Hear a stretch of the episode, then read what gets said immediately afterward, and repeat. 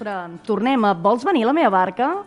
Avui sentia com des de Madrid la Isabel Díaz Ayuso tornava a dir perquè es veu que això els ajuda a fer campanya, i ja és ben gros, que si Catalunya des de les escoles adoctrinem. I doncs, vinga, va, sí, sí, ho destapo. Sí que adoctrinem els nens i les nenes que passen per les escoles catalanes. I, de fet, ho fem amb l'arma més letal, el pensament, l'esperit crític, el diàleg, des de Catalunya ensenyem a tenir opinió pròpia, a argumentar-la i a defensar-la, i això, és clar, els totalismes els cou. Els cou perquè el que ells volen és que ens convertim en un ramat que res atén si no és el líder, i això és el que les escoles catalanes no ensenyem. Som plurals, som diferents i ensenyem a tolerar i acceptar i a integrar aquesta diversitat. Som respectuosos els uns amb els altres. Aquests són els valors que es, es difonen des de les nostres escoles. És clar que també se'ls ensenya a estimar Catalunya, la literatura catalana, la cultura catalana, però és que viuen aquí, i el que no és normal és que a una persona que hi viu li desagradin tots els substantius que precedeixen l'adjectiu català. Si no t'agrada la llengua catalana, la literatura catalana, les tradicions catalanes, la cultura catalana, la música catalana, potser és que per més que visquis a Catalunya, no t'agrada Catalunya. I aleshores el problema és que no vius al lloc correcte, potser. No és que qui viu i sí que li agrada tot això tingui cap problema. Au, som-hi. Comencem.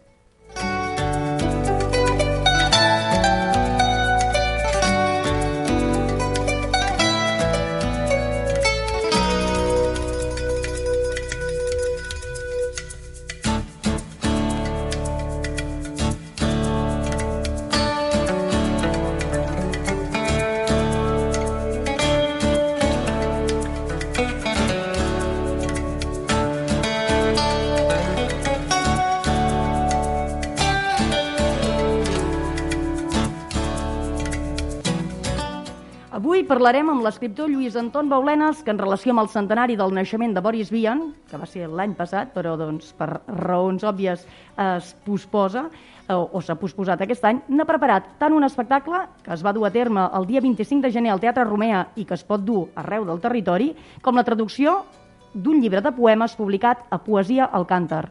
No la voldria dinyar. Un personatge amb Boris Vian crític, sarcàstic i irreverent, però al mateix temps vital.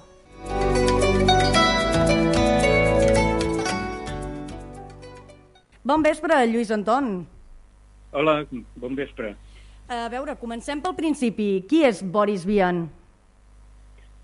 Home, així eh, tan, tan genèric, doncs diguem que Boris Vian, per dir-ho fàcil, va ser una figura del món de la cultura a França, va morir l'any 1959, eh, és conegut com a, sobretot com a novel·lista, també com a poeta, però sobretot va ser molt conegut com a, com a contestatari, com a pacifista, és a dir, una persona que tenia veu i que va provocar, doncs, eh, amb, el, amb els seus versos, amb la, amb, el seu, amb la seva ironia, doncs, va provocar més d'un mal de cap a l'estat francès. I uh, aleshores tu quan el vas conèixer i, i per què t'interessa? Dona, eh, eh, el vaig conèixer un, en un dels meus primers viatges a París, remenant autors i escoltant gent que me'n parlava, i és clar, em va interessar molt perquè estem parlant de fa molts anys i en aquella època eh, doncs, eh, una figura com la de Boris Vian doncs, eh, esclar, era, era, molt, era molt llaminera perquè esclar, era una persona que, que no callava que, que, que, en fi, que buscava les pessigolles al poder establert i en fi, doncs era molt llaminera, em va, em va interessar molt i, i, i de fet doncs, eh, em va engrescar fins i tot de, a intentar imitar-lo que es, estem en el centenari del seu naixement, eh, creus que encara interessa la seva veu? Evidentment ho creus, eh? però doncs per, per què? Per, eh, què, ens pot aportar encara la, la veu de Boris Vian?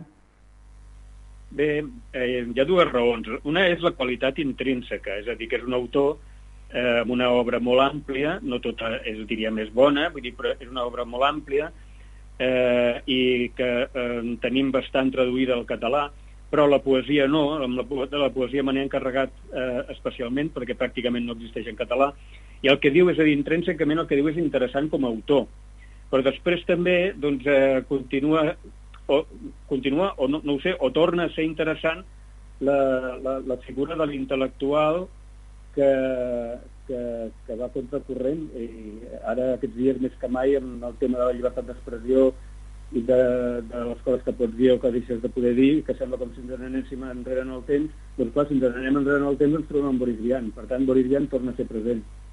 Bé, eh, tu ens has traduït un, de, un llibre de, de les seves poesies, que de fet apareix en la doble versió, en versió francesa i catalana, eh, no la voldria dinyar, i de fet la seva poesia és el que ha estat potser menys conegut, menys... Eh, eh, bé, eh, que, que ha tingut una recepció menor, no?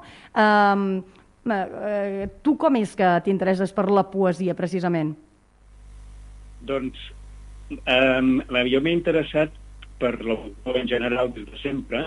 Jo, soc, jo vinc del teatre, he fet la carrera de novel·lista, l'estic fent, ara estic tornant al teatre, llavors m'he interessat com a home de teatre, com a novel·lista, que és mundialment conegut, i llavors, doncs, a partir d'aquí, eh, doncs, m'he interessat també per la poesia, i he trobat que era molt interessant, que oferia un, un caire diferent d'aquest autor, i a més a més doncs, en, en català no hi era. Eh, llavors doncs, la vaig oferir, vaig oferir aquest, un, de, un dels llibres de poesia, publicat pòstumament, aquest de No la voldria dinyar, a l'editorial dels llibres del segle de Girona i la, els va agradar i en fi vam fer el llibre i estic molt content. Uh, en Boris Vian, bé, per, per l'època i pel lloc i tal, és evident, eh, s'havia de moure uh, entre els cercles existencialistes. Uh, era amic de Jean-Paul Sartre, però ell podem considerar que també és existencialista? Jo penso que no. jo penso que és un, era un, un intel·lectual mm, més aviat anàrquic, eh, molt individualista, i per tant anava molt a la seva, i sí que és veritat que va ser molt amic de Jean-Paul Sartre i Sartre el va ajudar molt, però també és veritat que no té cap problema a ridiculitzar-lo. Per exemple, la famosa novel·la de Boris Vian, L'escuma dels dies, eh, apareix un personatge que es diu sospitosament Jean-Sol Partre, que, que és famós per vendre-ho tot, vendre qualsevol pensament, és a dir, critica el vessant, eh, diríem, interessat massa interessat pels diners d'aquest home que va ser Premi Nobel, no? i gran figura també filosòfica francesa i política. O sigui que, que jo diria que anava una mica per viure i, i, i li interessa una mica eh, agafar idees de tot arreu, però anava per viure, era més aviat de mentalitat anàrquica. Eh, de fet, eh, si ens agafem per amb, uh, la nàusea de Sartre, no? ell més eh, que deixar-se engolir per la nàusea, eh, aquesta sartriana, potser més aviat intenta surfejar-hi a sobre, no?, i enriure's de, de tot el, el que hi ha. Sí, és clar, és que Boris Vian, eh, i això doncs ho explico bastant en, a, en un espectacle que he fet, que si vols després en parlem, eh, Boris Vian era un home que, estava, que tenia una malaltia congènita, i aquesta malaltia congènita doncs, el, li, li limitava o li podia limitar la vida, és a dir, depenia de la, depenia de la vida que fes, eh, doncs eh, viuria més o viuria menys, es moriria més jove o es moriria més vell. Depenia d'ell. I per tant això el porta a surfejar a, a, a tot, és a dir que una mica eh, eh, diríem eh, que la vida és molt diferent quan saps que, que segons la tria que facis viuràs més o viuràs menys. I ell la tria que va fer va ser precisament la tria d'estar produint contínuament productes culturals, va ser un gran difusor del jazz, eh, era trompetista, va ser escriptor de novel·la negra, eh, és a dir, va intentar espremer la vida al màxim eh, havent triat que aquesta era l'opció que volia i per tant que era l'opció que el faria morir jove tal com va ser, Rian va morir als 39 anys. No sé si ho trobes eh, agosarat, però eh, llegint-te, o sigui, llegint-lo amb ell a través de la teva veu, eh, trobo que té a veure, a veure què me'n dius tu, certs punts amb l'Ovidi. No l'Ovidi, per exemple, de la carnisseria. Eh, com, ho, com ho veus tu, això? O sigui, quan, saps, quan l'Ovidi diu coses d'aquelles doncs, d'agafar el ganivet no? de, de la carnisseria i doncs això, no? mentre tallava sàdicament despistats, eh, no sé, pensava en la sogra, no? I, i a la fi distret es tallar un dit, eh, bé, tot això, no? Eh, com ho veuries tu? Doncs eh, la veritat és que no se m'havia acudit en cap moment aquesta possibilitat. Eh, no sé, o sigui, eh, podria, podria ser, però és que el, el Boris Vian eh, pensa que era, en, en tot l'aspecte de producció cultural i tot això, era, era relativament eh, auto, com es diu, auto... Eh, no surt la paraula.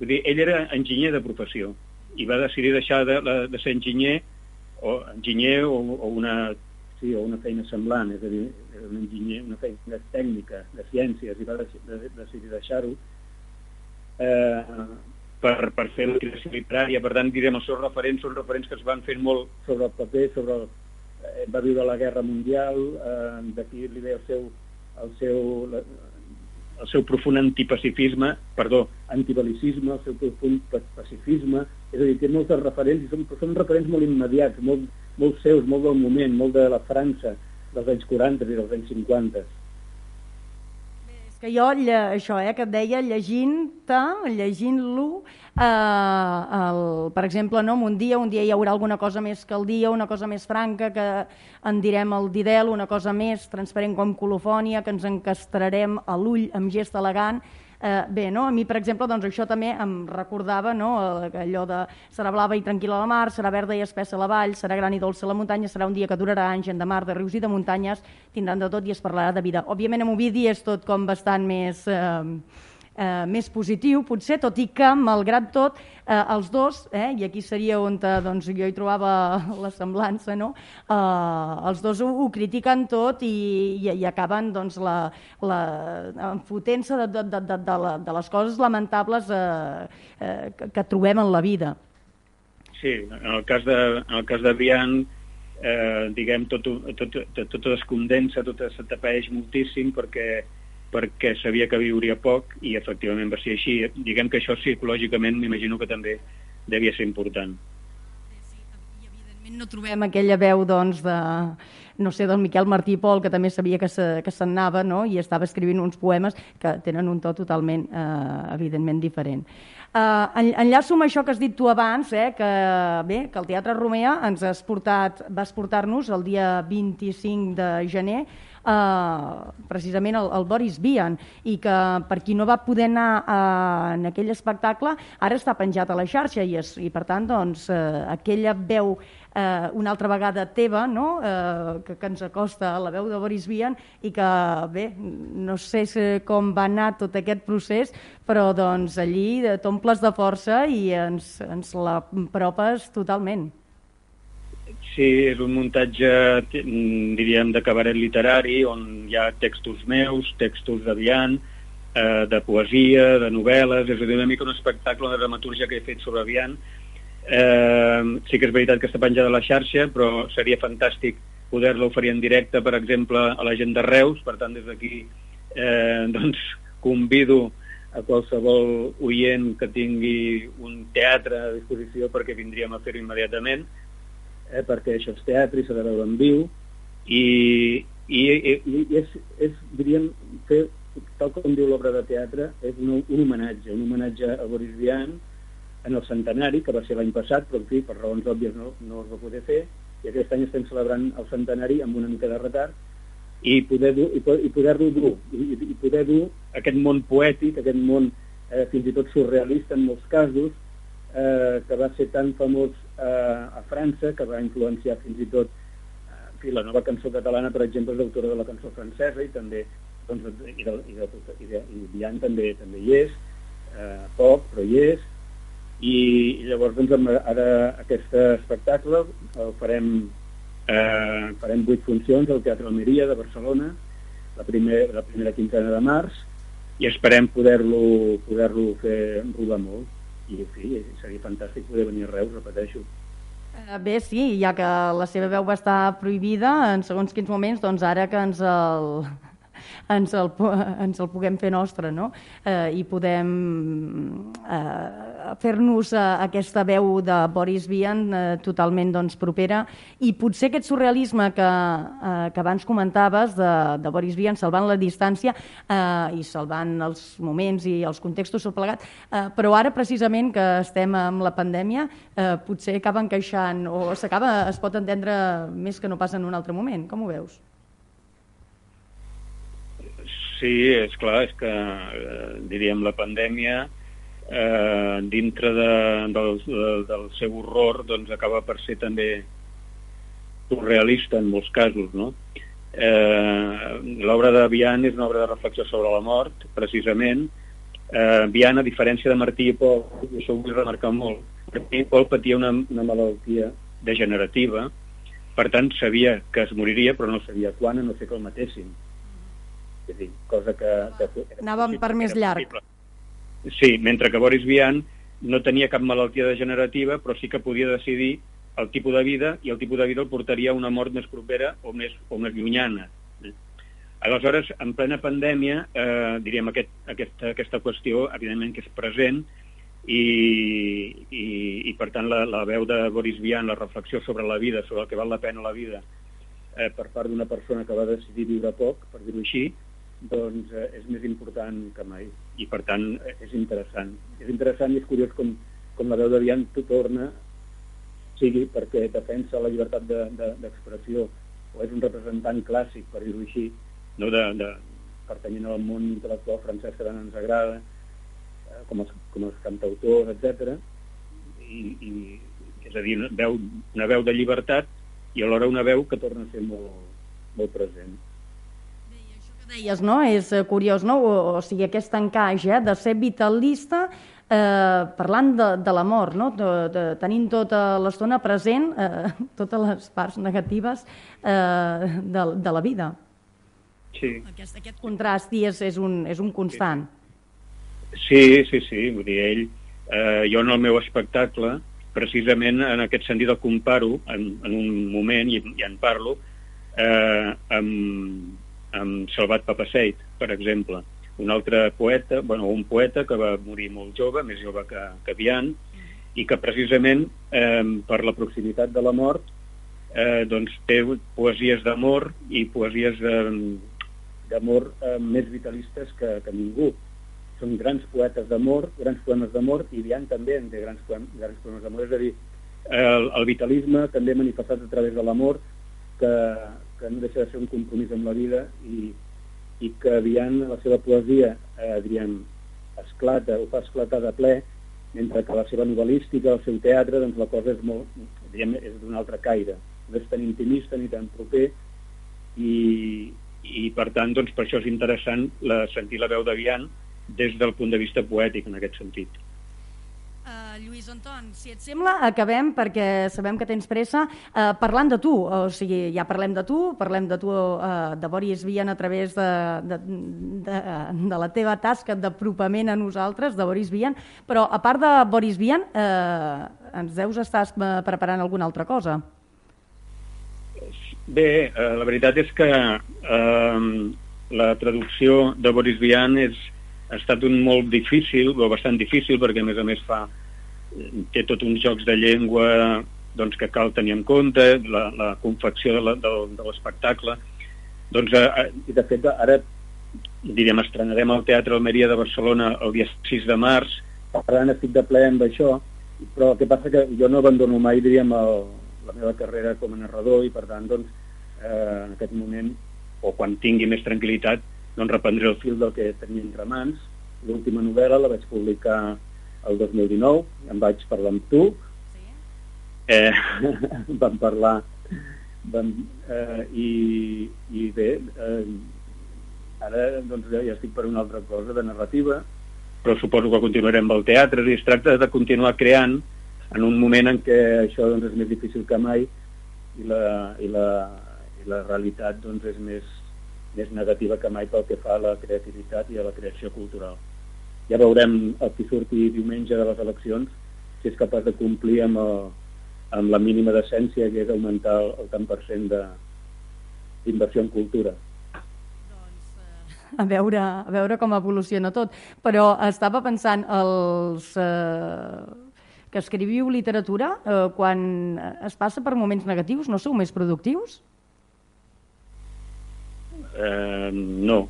Jo, a partir... Jo, o sigui, el, els moviments, diríem, si, si haguéssim de dependre de, de, de, de l'exterior, no escriuríem mai.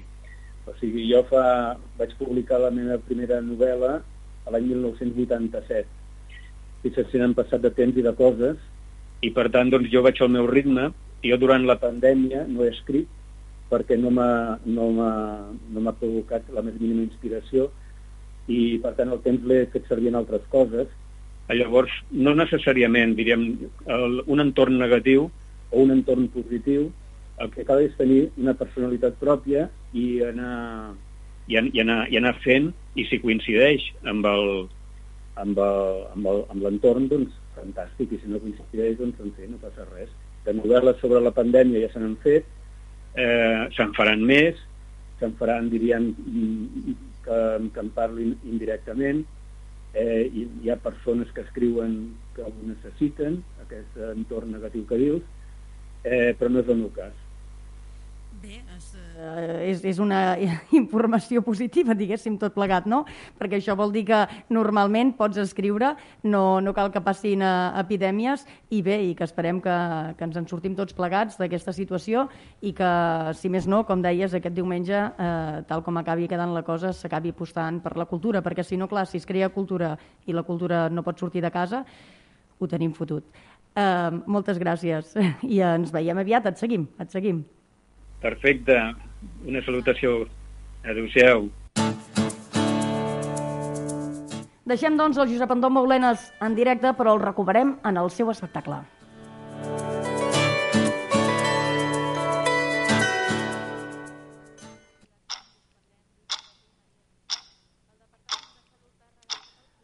La vila de Verges, cada dijous sant a la nit, eh, hi ha la famosa dansa de la mort. Cinc esquelets disposats en forma de creu van dansant al so del tabal. El primer esquelet va fent l'acció de segar, va segant a ritme. Va fent-ho amb una dalla on hi ha una, una inscripció llatina que diu Nemini Parco, que vol dir no perdono ningú. El segon esquelet mm, porta un estandard amb un panó on s'hi pot llegir «Lo temps és breu. A banda i banda hi ha dos esquelets petitets que porten uns bols de cendra, plens de cendra, que volen significar eh, la terra, la pols en què tots ens hem de convertir i d'alguna manera doncs, en fi, eh, fan referència al caràcter efímer de la vida. I l'últim esquelet doncs, porta un rellotge, un rellotge mm, sense busques, un rellotge buit, només hi ha els números, i llavors, a ritme del tabal, va assenyalant aleatòriament el, els números d'aquest rellotge. Això eh, doncs, fi, vol significar que en qualsevol moment ens pot eh, sobrevenir la mort i que hi hem d'estar preparats. Clar, i ens podem preguntar, i això què té a veure amb Boris Vian? Doncs té a veure més del que semblaria, perquè precisament aquesta, aquesta retòrica sobre la, la mort, sobre el moment que ens arriba, sobre si hem d'estar preparats, precisament en aquests dies, doncs, potser hi pensem més que mai. Doncs aquesta retòrica a ell no l'afectava especialment perquè la seva relació amb la mort era diferent, no era com la de la majoria, la majoria de la gent. Ell, d'alguna manera, sabia com i quan havia de morir. I no era una, una intuïció, eh? no era una intuïció com aquesta que veiem a les pel·lícules que, eh, dels americans, on hi ha, per exemple, una tribu índia, un, un ancià, una persona gran que se sent de fallir, convoca la família, s'acomiada, se'n va muntanya amunt, seu sota un arbre, i la mort arriba, arriba d'una manera dolça, l'agafa, se l'emporta. No, no, Vian no, Vian no era cap intuïció. Tampoc tenia cap malaltia, eh, diguem, degenerativa. No, simplement els metges li van dir, mira, segons el que facis, viuràs més o viuràs menys, i ja està. Clar, Boris Vian, la seva vida, la seva obra, precisament per això, són tot un manual de supervivència. Però és una, és una informació, atenció, molt important. No tots, no tots, eh, no tothom tenim aquesta, aquesta possibilitat. Eh, de fet, molts no voldríem tenir-la, no voldríem saber el moment de la nostra mort. És una informació important, informació dura, eh, normalment doncs, no ens en volem anar. Boris Vian tampoc se'n volia anar.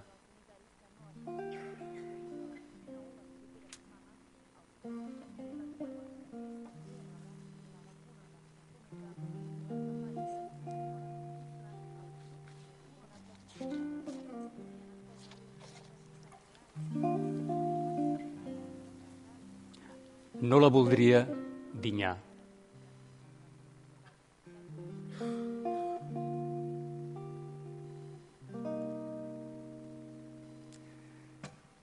No la voldria dinyar, no la voldria dinyar sense haver conegut un gos negre mexicà, dormen sense somiar. No la voldria dinyar sense haver conegut micos de cul nu que el tròpic van menjant i aranyes d'argent amb nius bombollejants no la voldria dinyar. No la voldria dinyar ignorant si la lluna, que és una falsa pruna, té un costat punxegut, o si el sol és fred, o si les quatre estacions són quatre, cinc o tres. No la voldria dinyar. No la voldria dinyar sense haver intentat d'anar vestit de dona pels grans bulevards o sense haver ficat la tita per reconots estranys. No la voldria dinyar sense haver patit la lepra o qualsevol de les malalties que diuen que un pot atrapar. No. Ni el mal ni el bé no em farien pas pena si jo, si, si jo sabés que vosaltres em faríeu estrena. Després, hi ha les coses, les coses que jo conec, les coses que jo aprecio, les coses que em fan plaer. El verd del fons de la mar, on dansen les algues als sorrals ondulats. L'herba de juny cremada, el terra que s'esquerda, el perfum de les pinedes i tots, tots els petons d'ella, Ara aquí, ara allà, el meu amor me'n fa. Os, peluix, Úrsula, no la voldria dinyar. No la voldria dinyar sense haver-li gastat la boca amb la meva boca, el cos amb les meves mans i la resta amb els meus ulls. I no cal parlar-ne més. Reverència i passem full.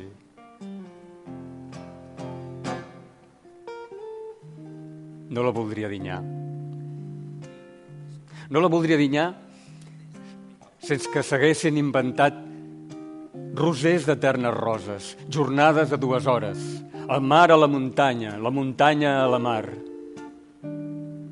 la fi del dolor, diaris en color i tantes coses més que dormen dins els cranis de genials enginyers, de jovials jardiners, de seriosos socialistes, d'urbans urbanistes i de grans polemistes. No la voldria dinyar. No la voldria dinyar. Hi ha tant, tant per observar, per observar i sentir abans d'endinsar-te en la nit.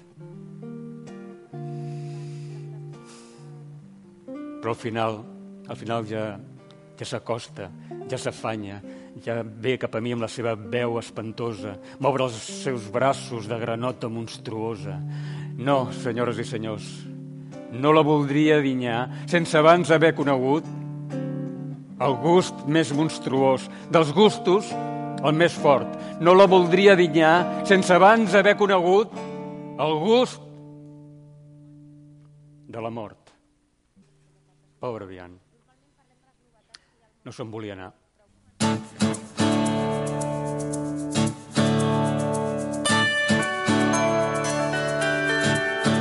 I fins aquí arriba el programa d'avui i tornarem, si la pandèmia ens ho permet, la setmana vinent. Recordeu que ens podeu escoltar cada dijous a les 8 del vespre en primera transmissió i en segona dissabte a les 10 del matí per parlar de literatura i de cultura catalanes des de la nova ràdio, perquè creiem que és important acostar-vos als nostres autors i a la nostra cultura més propers. Ja sabeu que, mentrestant, podeu escoltar aquest programa o els antics, sempre que vulgueu, a través del web de la nova ràdio, lanovaradio.cat. Llegiu. La lectura ens fa lliures. Thank.